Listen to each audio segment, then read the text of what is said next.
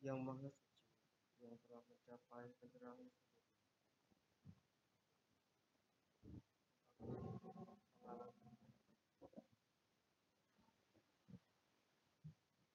Aku mengalami usia tua. Aku akan mengalami usia tua. Aku belum mengatasi usia tua. Aku akan mengalami penyakit. Aku belum mengatasi penyakit. Aku akan mengalami kematian. Aku belum mengatasi kematian. Sebuah kalimat perundungan yang mana para bijaksana sering mengingat di dalam kehidupannya di setiap harinya. Di mana ketidakkekalan adalah sifat yang mutlak. Di mana ada kondisi yang muncul di sebuah dunia.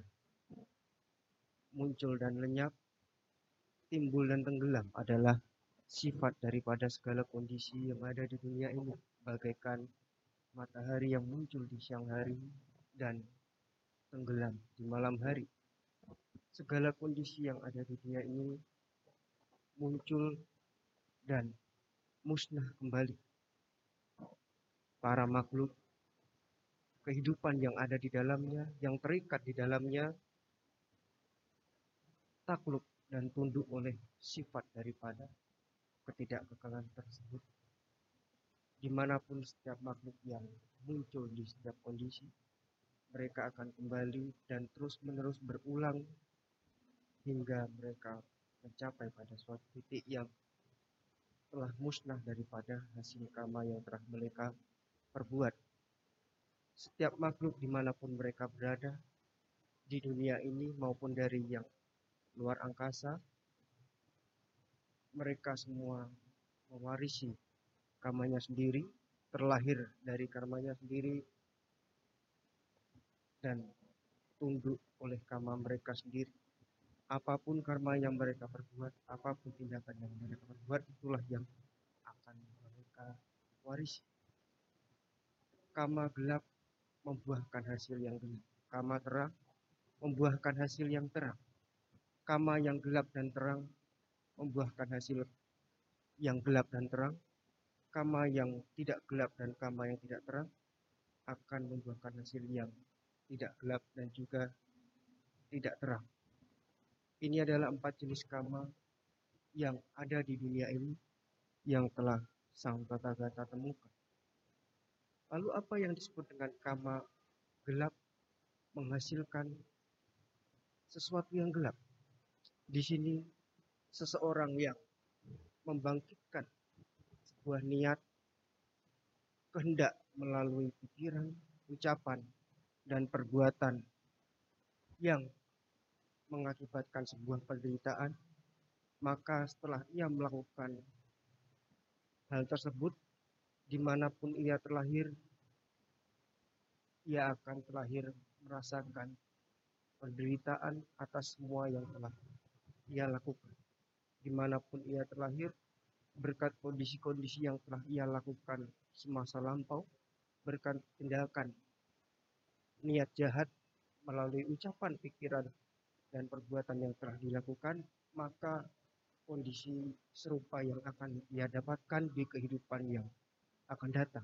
Seperti halnya mereka makhluk-makhluk yang terlahir di alam neraka. Mereka akan merasakan sebuah penderitaan akibat dari hasil kama gelap yang telah mereka lakukan. Lalu apa yang disebut dengan kama yang terang dengan hasil yang terang? Di sini seseorang membangkitkan niat dari ucapan, pikiran, dan perbuatan yang tidak mengakibatkan sebuah penderitaan. Maka setelah orang itu melakukan hal tersebut, di mana pun ia terlahir di kehidupan yang akan datang, ia akan merasakan sebuah penderitaan. Segala kondisi-kondisi yang tidak menyenangkan, ia akan tinggalkan tersebut. Lalu setelah orang itu meninggalkan perbuatan yang tidak baik tersebut, maka ia akan terlahir di alam yang lebih menyenangkan. Seperti halnya para dewa-dewa yang sudah meninggalkan perbuatan-perbuatan yang tidak membangkitkan sebuah penderitaan. Maka hasil yang terang akan didapatkan oleh mereka para dewa-dewa yang telah meninggalkan perbuatan jahat dan telah membangkitkan perbuatan yang tidak menyebabkan sebuah penderitaan. Lalu apa yang disebut dengan kama yang terang dan gelap dengan hasil yang gelap dan terang. Di sini seseorang membangkitkan kedua hal tersebut, baik niat, ucapan, pikiran, dan perbuatan yang mengakibatkan penderitaan, dan niat yang melalui pikiran, ucapan, dan perbuatan yang tidak menyebabkan sebuah penderitaan. Kedua hal itu mereka campurkan.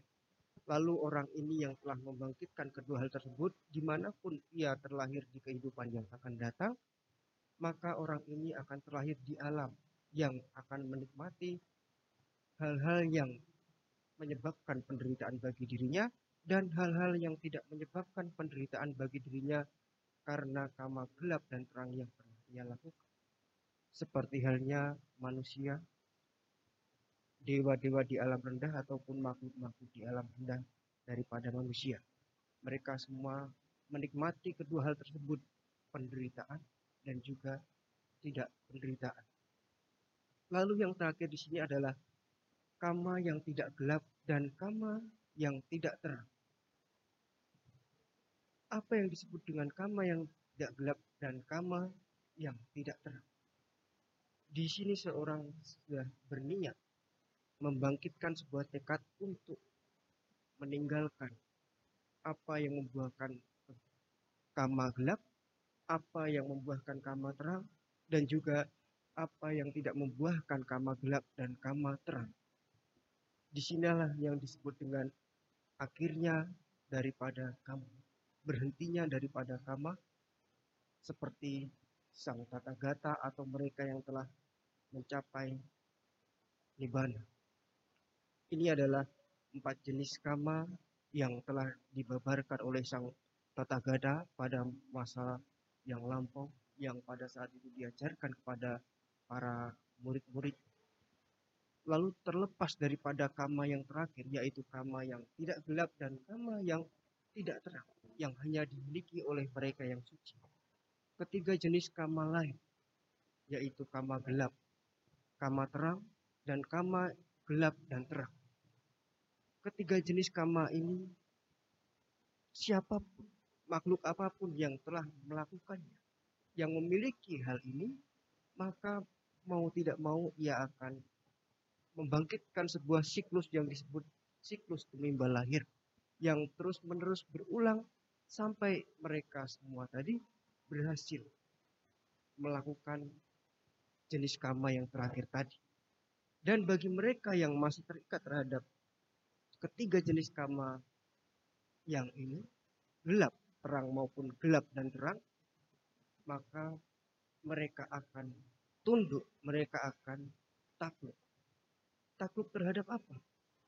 Takluk terhadap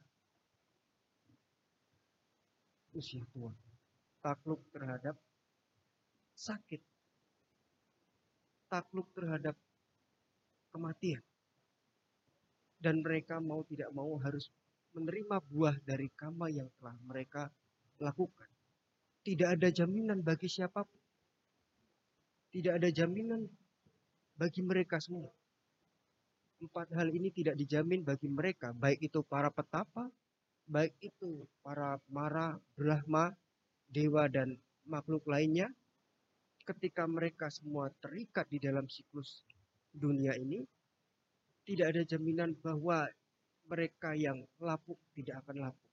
Bahwa mereka yang akan sakit tidak akan sakit, bahwa mereka yang akan mati tidak akan mati, bahwa tidak ada buah yang berbuah bagi mereka yang telah melakukan perbuatan jahat, buah bagi mereka yang telah melakukan tindakan yang tidak baik. Jadi tidak ada jaminan bagi mereka semua yang masih terikat dalam siklus ini.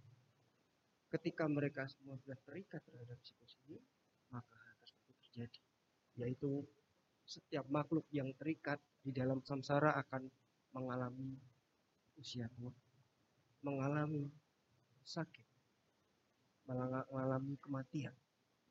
Seperti yang saat ini kita semua sedang lihat, yang saat ini kita semua sedang rasakan bahwa di berita-berita ribuan orang telah meninggal, ribuan orang telah terjangkit dari penyakit.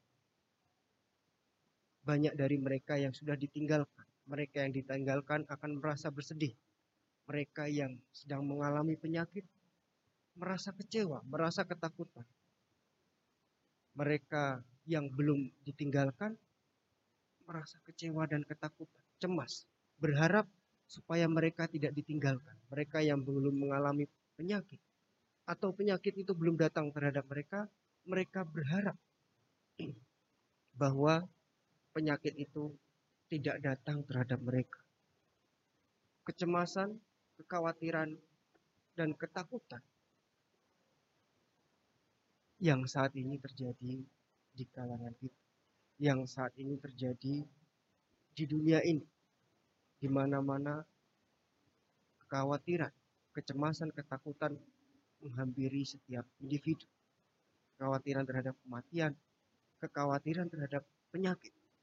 Namun, bagi mereka yang sudah terbebas dari kesenangan indrawi, sudah terbebas dari kecintaan terhadap indrawi, sudah tidak merindukan kesenangan indrawi, maka kapan pun penyakit itu datang di dalam diri mereka, maka orang itu sudah tidak memiliki pemikiran di dalam dirinya bahwa tubuh ini akan meninggalkan tubuh ini harus aku tinggalkan secepat mungkin. Karena mereka sudah terbebas daripada kesenangan indrawi, maka mereka tidak ada lagi kekhawatiran, ketakutan dan kecemasan akan kematian. Namun bagi mereka yang masih memiliki kesenangan, kecintaan, kerinduan terhadap kesenangan indrawi, maka kapan pun penyakit itu datang di dalam diri mereka, maka di dalam pikiran mereka, tubuhku ini tidak akan lama akan kutinggalkan. Penyakit penyakit ini tidak lama lagi tidak lama lagi akan membuat diriku musnah. Maka karena ada pikiran seperti itu di dalam dirinya, maka muncullah kekhawatiran dan ketakutan terhadap kematian atau penyakit. Lalu ada lagi seseorang yang sudah terbebas dari kesenangan terhadap tubuh, kecintaan terhadap tubuh. Maka di mana pun penyakit datang menghampiri dirinya, maka di dalam pikirannya tidak ada lagi keinginan untuk mencintai tubuh tersebut, maka tidak ada lagi ketakutan, kekhawatiran, kapan pun kematian atau penyakit itu datang menghampiri dirinya. Namun ada orang yang masih belum terbebas dari kecintaan terhadap tubuh, keinginan terhadap tubuh, kerinduan terhadap tubuh ini, maka kapan pun penyakit itu datang, maka muncul pemikiran di dalam dirinya bahwa tubuhku ini tidak lama lagi akan aku tinggalkan. Penyakit ini tidak lama akan menggerogotiku dan harus aku tinggalkan tubuh ini. Maka ketika muncul pemikiran seperti itu di dalam mereka yang masih memiliki kecintaan terhadap tubuh, maka muncullah kekhawatiran, kecemasan, dan ketakutan akan kesakitan dan kematian. Lalu masih ada orang yang sudah banyak melakukan kebajikan, sudah sering melakukan kebajikan, tidak banyak melakukan kejahatan, sering melakukan kebajikan di mana pun ia berada. Maka kapan pun penyakit itu datang di, menghampiri dirinya, maka tidak ada pemikiran lagi, oh aku belum melakukan kebajikan, oh aku banyak melakukan keburukan. Karena tidak ada lagi pemikiran yang mengganggu dirinya, maka kapan pun sakit datang menghampiri dirinya, maka ia tidak khawatir, tidak takut akan kematian karena ia telah melakukan banyak kebajikan. Namun ada orang yang masih belum banyak melakukan kebajikan, masih banyak melakukan tindakan yang buruk, masih banyak yang tidak mengerti tentang dhamma, maka kapan pun penyakit datang menghampiri dirinya, maka pikiran seperti ini akan muncul. Oh, aku belum melakukan kebajikan selama hidupku. Oh, aku banyak melakukan sebuah tindakan buruk terhadap orang lain selama aku hidup. Maka ketika pemikiran ini muncul, timbullah kekhawatiran, ketakutan, dan kecemasan ketika sakit dan kematian menghampiri dirinya. Lalu ada jenis yang terakhir, di mana seseorang yang telah menghilangkan keraguan-raguan terhadap dhamma, orang yang tidak lagu lagi terhadap ajaran daripada Sang Tata Gata, maka kapan pun penyakit datang, maka kapan pun kematian menghampiri dirinya, tidak ada lagi pikiran di dalam dirinya keraguan-raguan terhadap dhamma. Karena tidak ada keraguan-raguan di dalam dirinya terhadap dhamma, maka tidak ada lagi ketakutan terhadap sakit atau kematian. Namun, ada orang yang masih banyak meragukan tentang dhamma.